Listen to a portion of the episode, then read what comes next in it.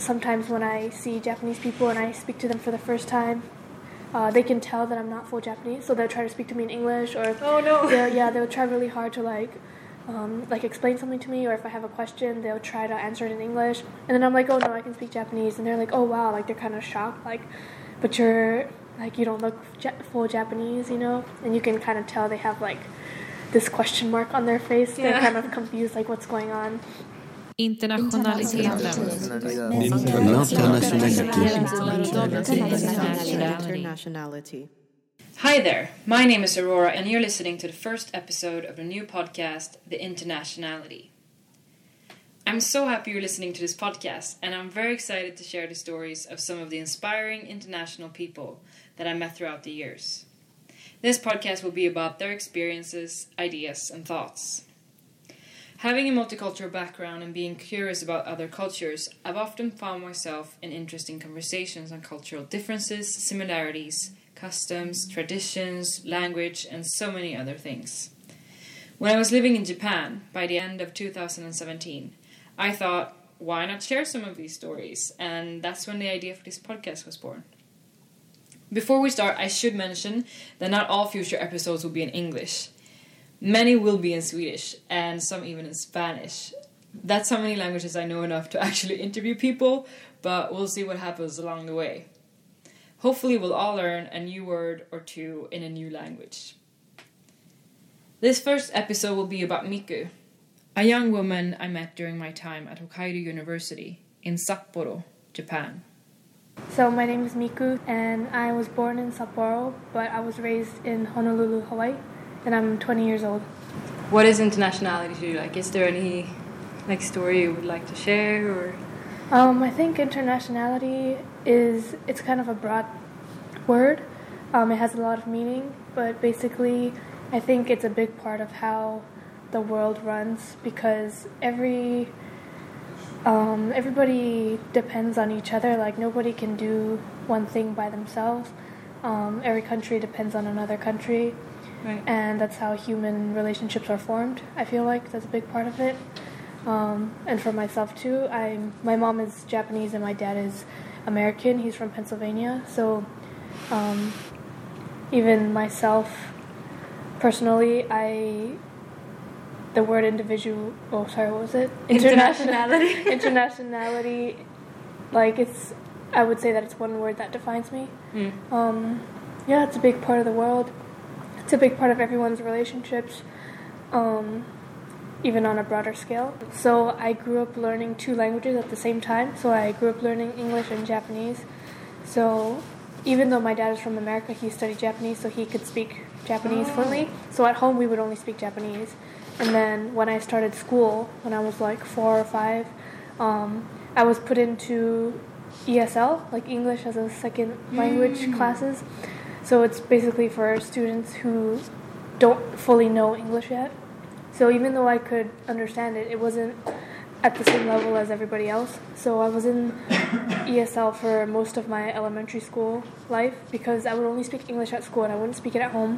Hmm. So I, get, I needed to catch up to everybody else.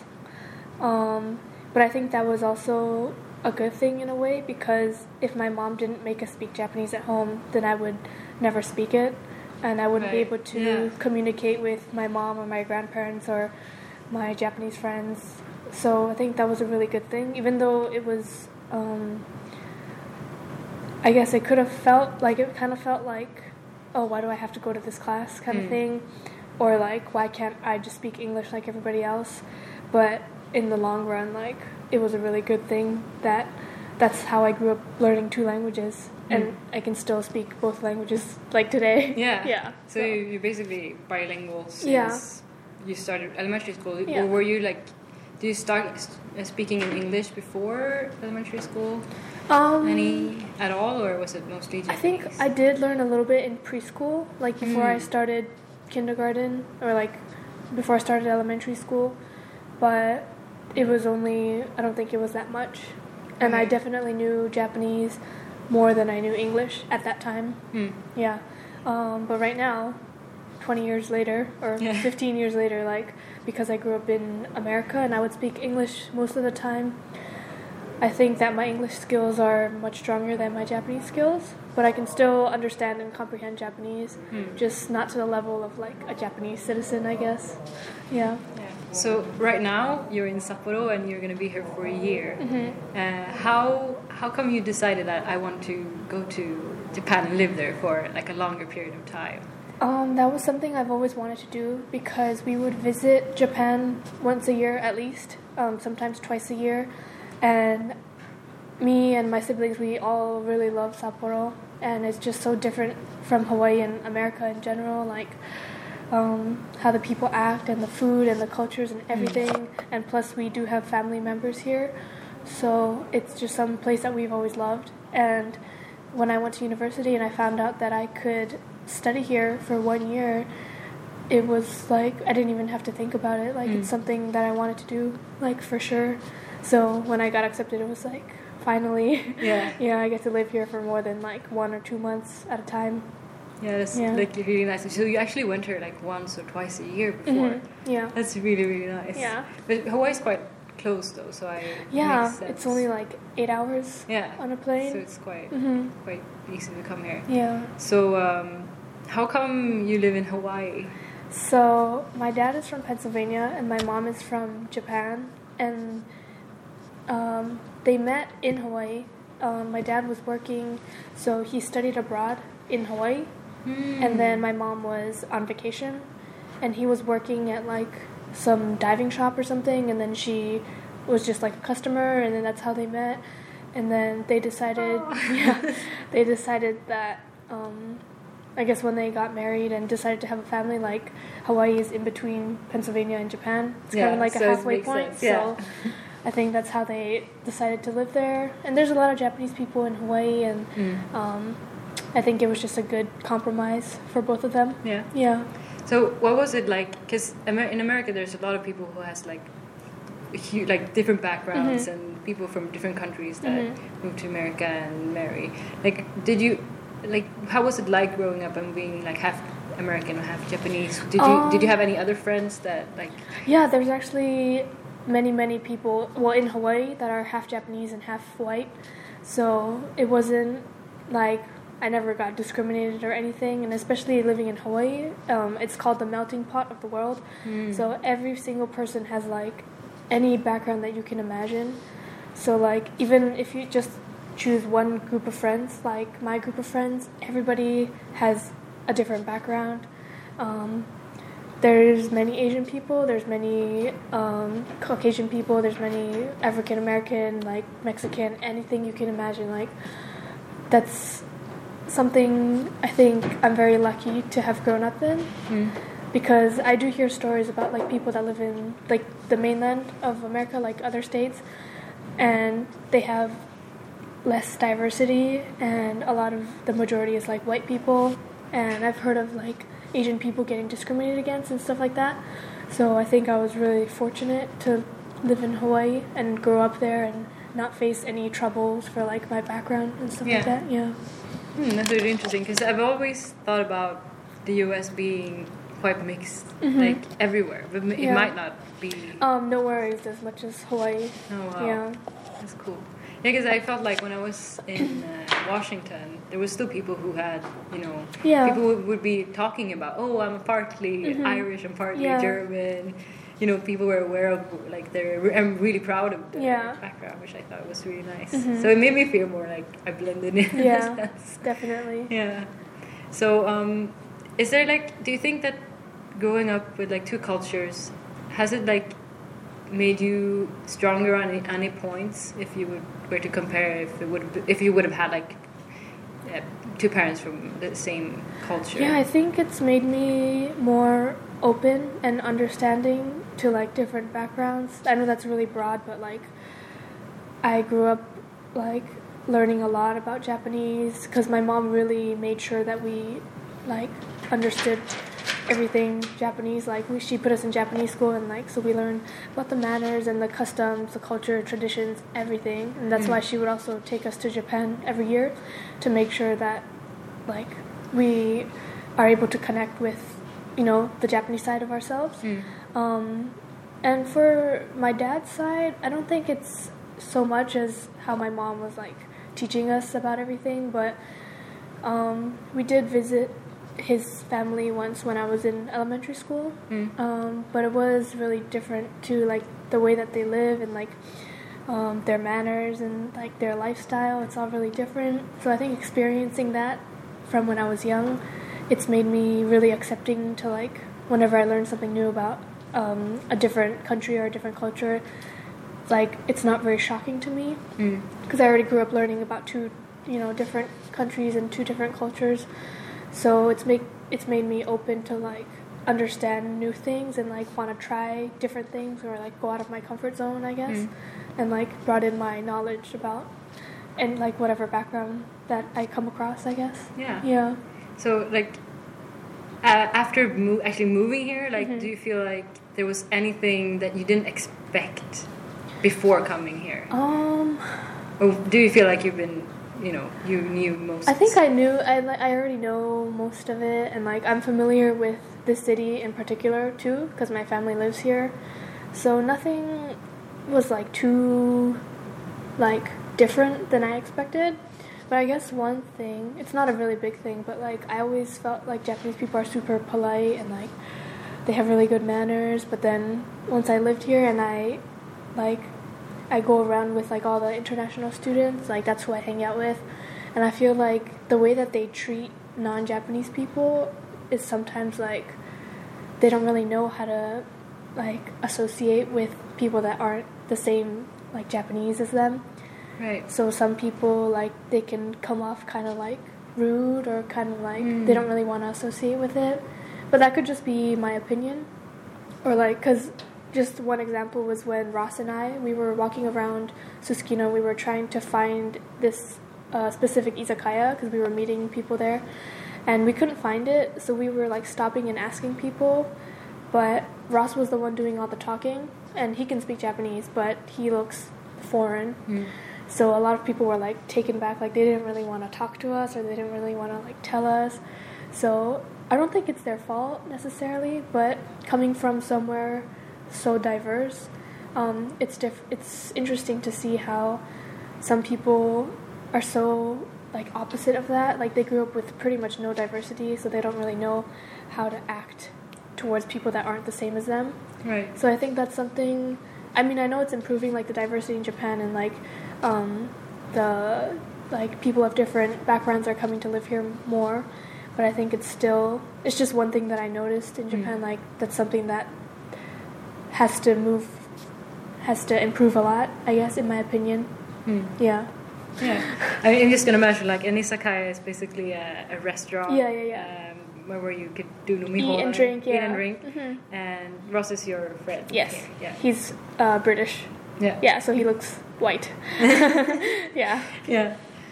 Yeah. So uh, yeah, yeah. I, I've also noticed like, um, I was talking to one of my uh, Japanese friends here, and he have been he had been studying like I think six months in Europe, and after being in Europe and coming back, he felt like he could see a bit see it a bit clearer how he had been like unconsciously thinking about like the non-Japanese people when they Mhm. were here like Yeah. he could notice that he was I don't know, like like you say, like a bit not sure how to act Yeah. towards. It's not really the. Japanese people's fault. It's just that they grew up. That's the way they grew up. Um, they weren't really taught to. They're not used. They're not used to interacting with non-Japanese people. Right. So it's. I think most of it is unintentional, Mm. um, unless someone is like really against foreigners. But I don't think that's the case, because a lot of Japanese actually really love foreigners and like Yeah. um, interacting with foreigners. They want to Yeah. learn more English. They want to learn other languages. But for people who aren't like specifically interested in that, like it's not something that they consciously like. They don't go out of their way to like. I don't know how to explain like to treat them like a Japanese person, how they would Right. talk to another just like somebody else Mm. that's that they meet. yeah. Yeah. Would, would you say that there's a difference if you go because you've been to different places in Mhm. Japan as well? Yeah.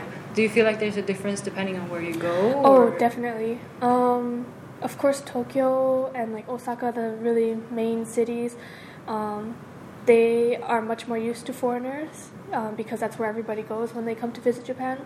So, like, I wasn't, I didn't notice any like differences in the way that they treated foreigners. But here, like in Sapporo or other places in Hokkaido, it's a bit more. It's uh, less populated, and they Mm. don't get as many tourists as like Tokyo and Osaka. So sometimes when I see Japanese people and I speak to them for the first time, uh, they can tell that I'm not full Japanese, so they'll try to speak to me in English or Oh no. yeah, they'll try really hard to like, um, like explain something to me, or if I have a question, they'll try to answer it in English, and then I'm like, oh no, I can speak Japanese, and they're like, oh wow, like they're kind of shocked, like, but you're like you don't look full Japanese, you know, and you can kind of tell they have like this question mark on their face. They're kind of confused, like what's going on, or like if I travel with my family. So my mom is Japanese, and then my siblings and I are all half, half, half. So they'll kind of like they'll be looking for like uh, like my dad, I guess, like the foreigner, like because my mom obviously looks full Japanese, Right. and then they're kind of like, what's the what's the connection, Yeah, what's you the- know?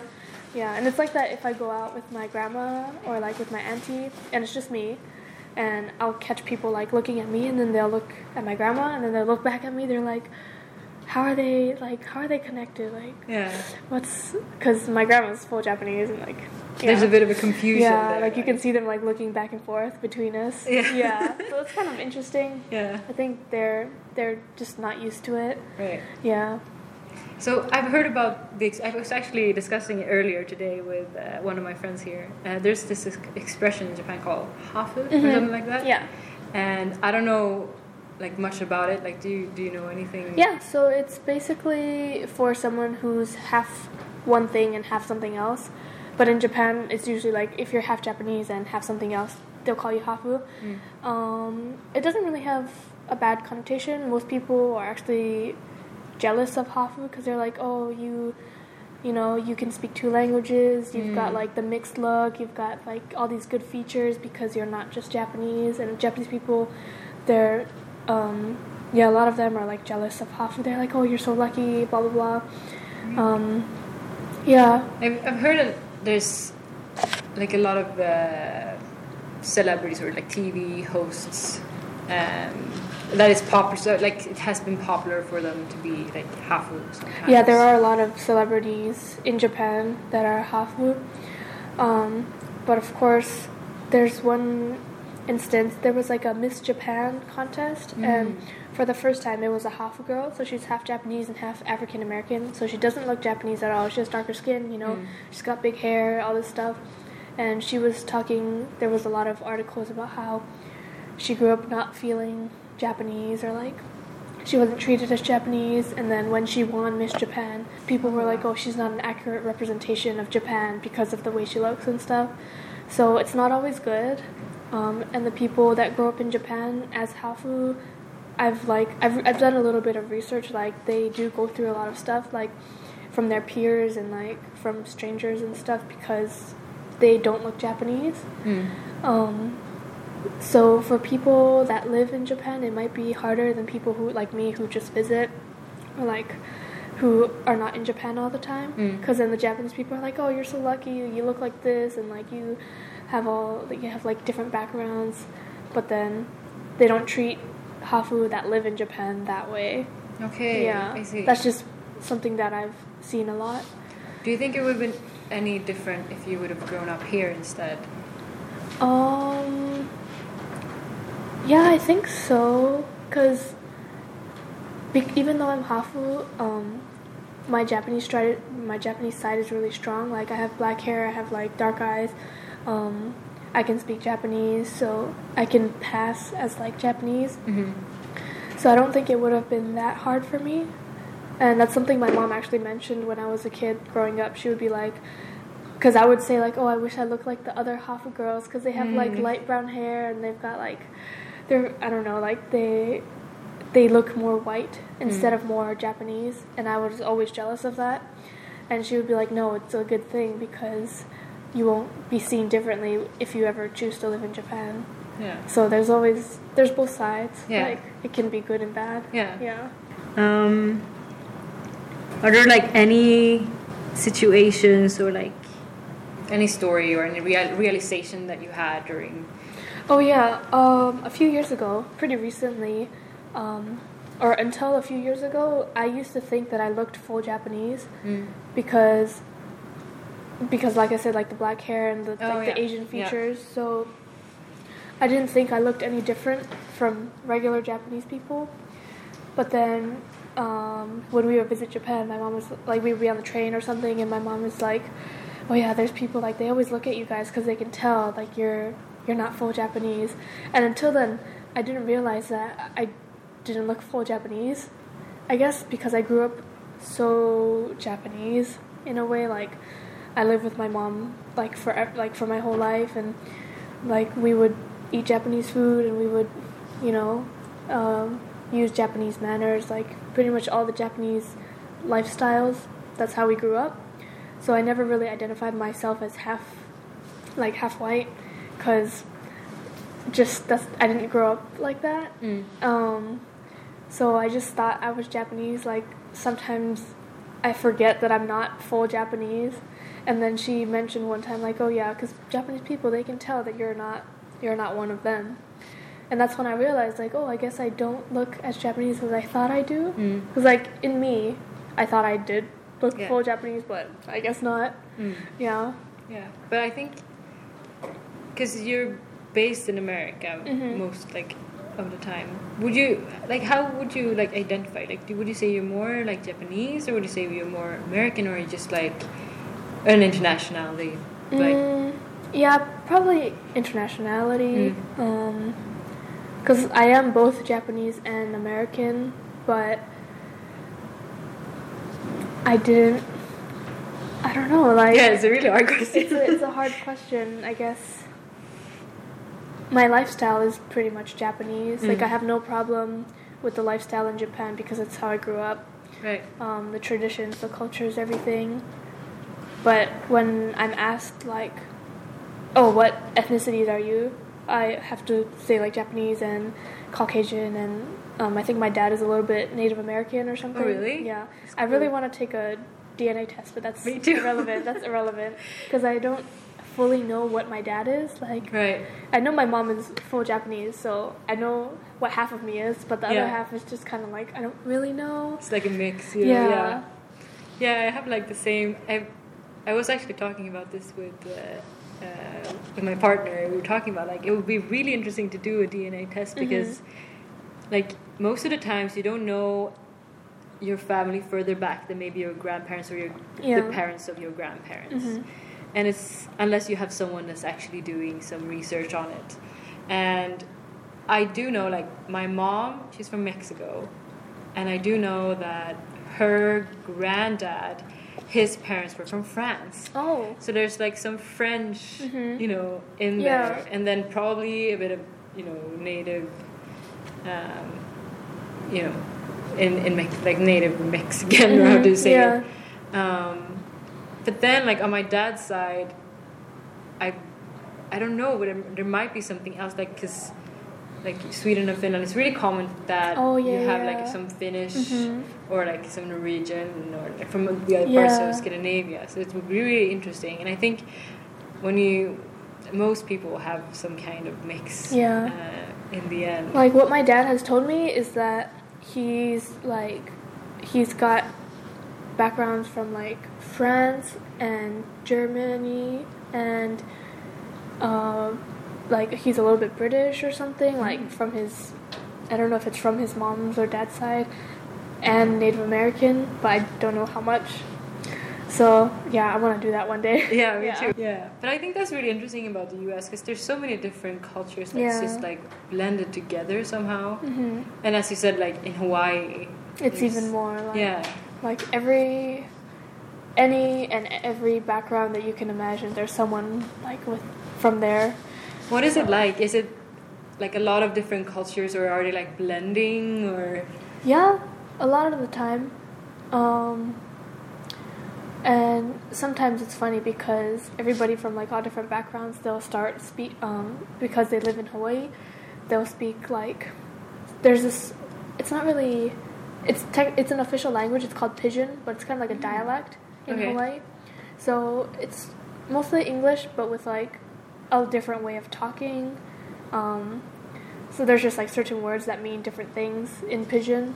So it's funny when you see like a full Chinese person speaking Pidgin like a Hawaiian person would speak. Yeah. And that's that's really interesting. That's like a unique part of Hawaii, I think, because everybody from every background like they all have a different story of how their family ended up in Hawaii, and like you can meet like anyone from any race, any ethnicity. So it's really cool.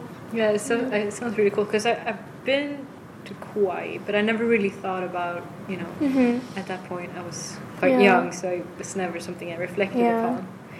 Um, so, but right now you're in university, Mm-hmm. and where would you say that you're in life right now? I like, do you have any ideas what you want to do in the future? Or Um, I don't have like a one hundred percent certainty of what I want to do, but I, if I get all my credits, I'll be done with university in next spring, if everything goes as planned, and then I have to decide what I want to do career wise. Um, the only thing that I've been thinking of so far is that I want to work in an airline company, either Mm. as like a like a desk job or as a flight attendant. Mhm. That's one thing that I've been thinking about for like many many years. Even when I was younger, like I love flying and I Mhm. love like going to different places. And if I was a flight attendant, I would be able to do that. Um, and I would be able to go places I've never been and like work. I would be able to fly all the time and I would be able to send my mom back to Japan because of like the benefits and stuff. Oh, stuff. yeah, yeah, you can have a family There's a lot of yeah, there's a lot of pros um, that would come out of working in an airline company. Um, but I haven't thought about anything besides that, Mm. so that might be my career. Yeah, Maybe. we'll see. Like, Yeah. you never know what's gonna happen Exactly. in the future. So your stud, like your major is Japanese Japanese studies, yeah. Yeah. How come you like said Oh, this this is what I wanna study. Um, I was undecided for a while when I first started university. I couldn't figure out what I wanted to do. Um, but then I took a placement test for going into a Japanese language class. And then I placed pretty high because I already speak Japanese.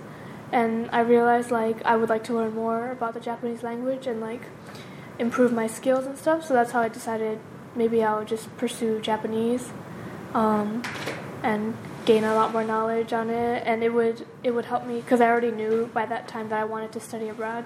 Mm. So I decided it would be an appropriate major because even if I study abroad, it would still correlate to my, my major. And especially in Hawaii, there's a lot of um, there's a lot of jobs if you can speak two languages, Mm. especially Japanese, because it's like most of the tourists are from Japan.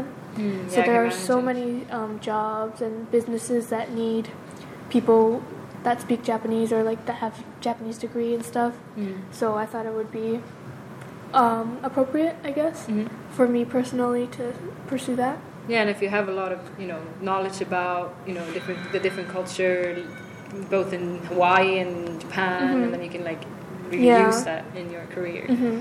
Hmm. Yeah. Yeah, makes sense. Yeah. I would probably also do that if I was better in Spanish.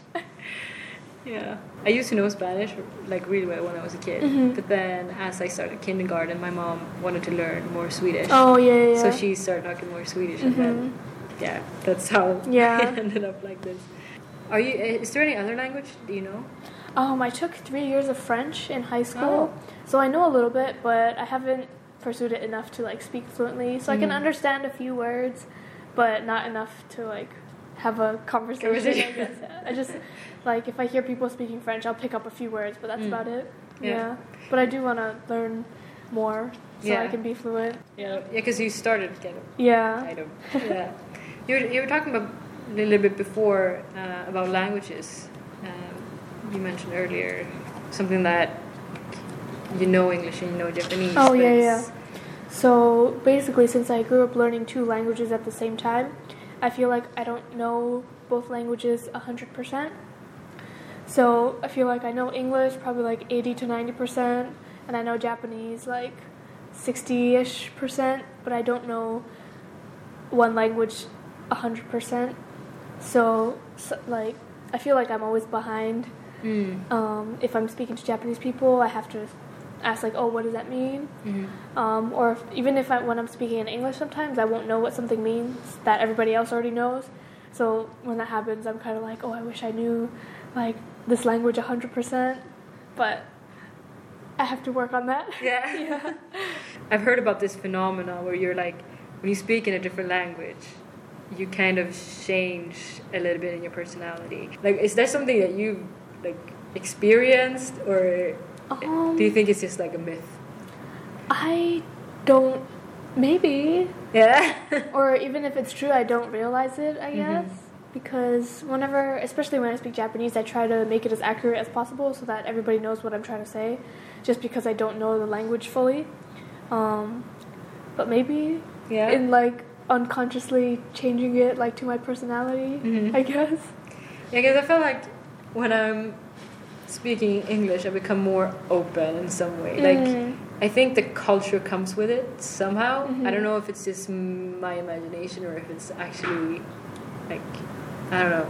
Because like I learned American English from quite an early age since my Mhm. dad has a lot of Mhm. international friends, and my cousin also moved there too, since she married an American, and I feel like when I was in the U.S., it, it became even more clear that people are more compared to Sweden. People are more like open and more Mm. like opportunity Yeah. um, driven uh, compared to guess Swedish. uh, That might be true for me. Like when I speak Japanese, like in Japanese society, I guess I don't know if it's just my personality or if there's a connection to me speaking the language, but I am more like open and bold when I speak.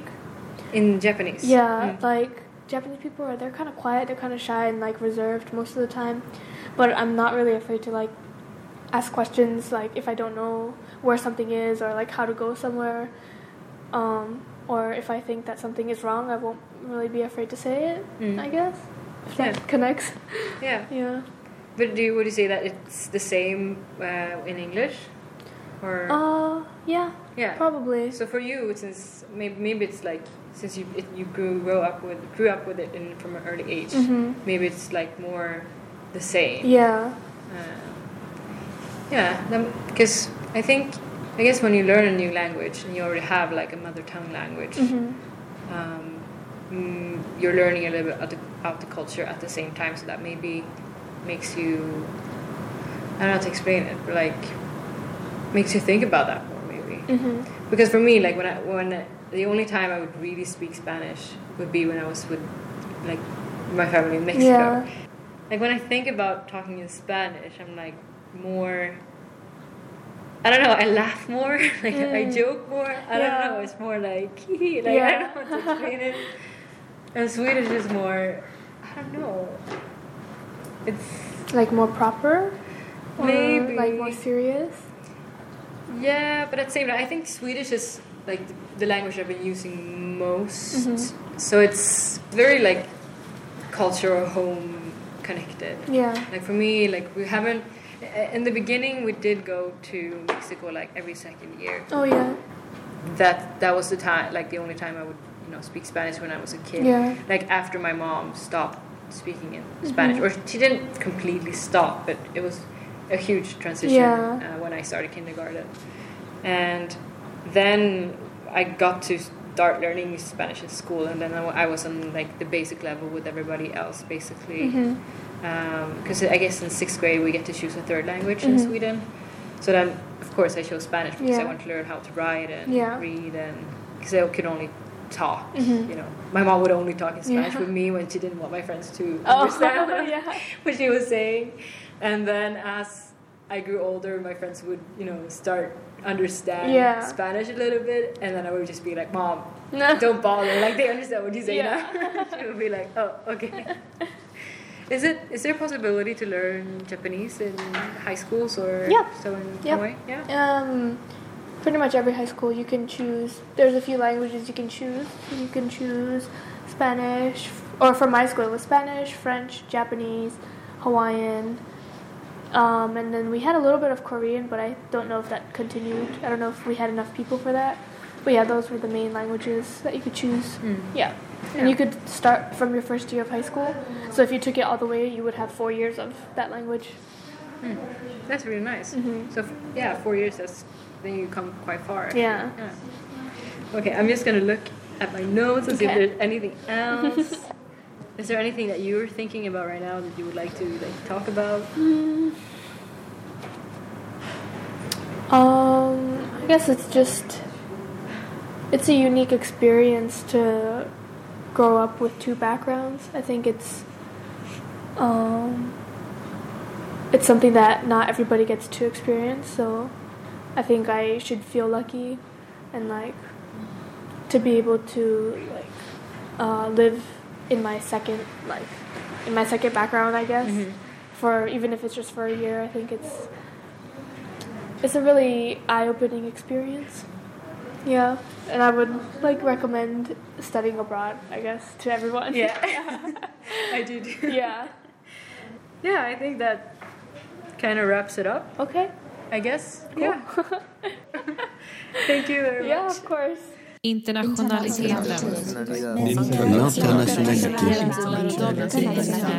Internationality. You've been listening to the first episode of the podcast, The Internationality. To see a photo of Miku, you can uh, visit the podcast Instagram. Just type in The Internationality Podcast. And if you're curious for updates on the podcast, you can just press follow, and we'll keep you updated. This podcast has been broadcasted through Umeå Student Radio at Umeå University. There will be new episodes every last Wednesday of the month. My name is Aurora, and until next time, take care and stay curious about the world.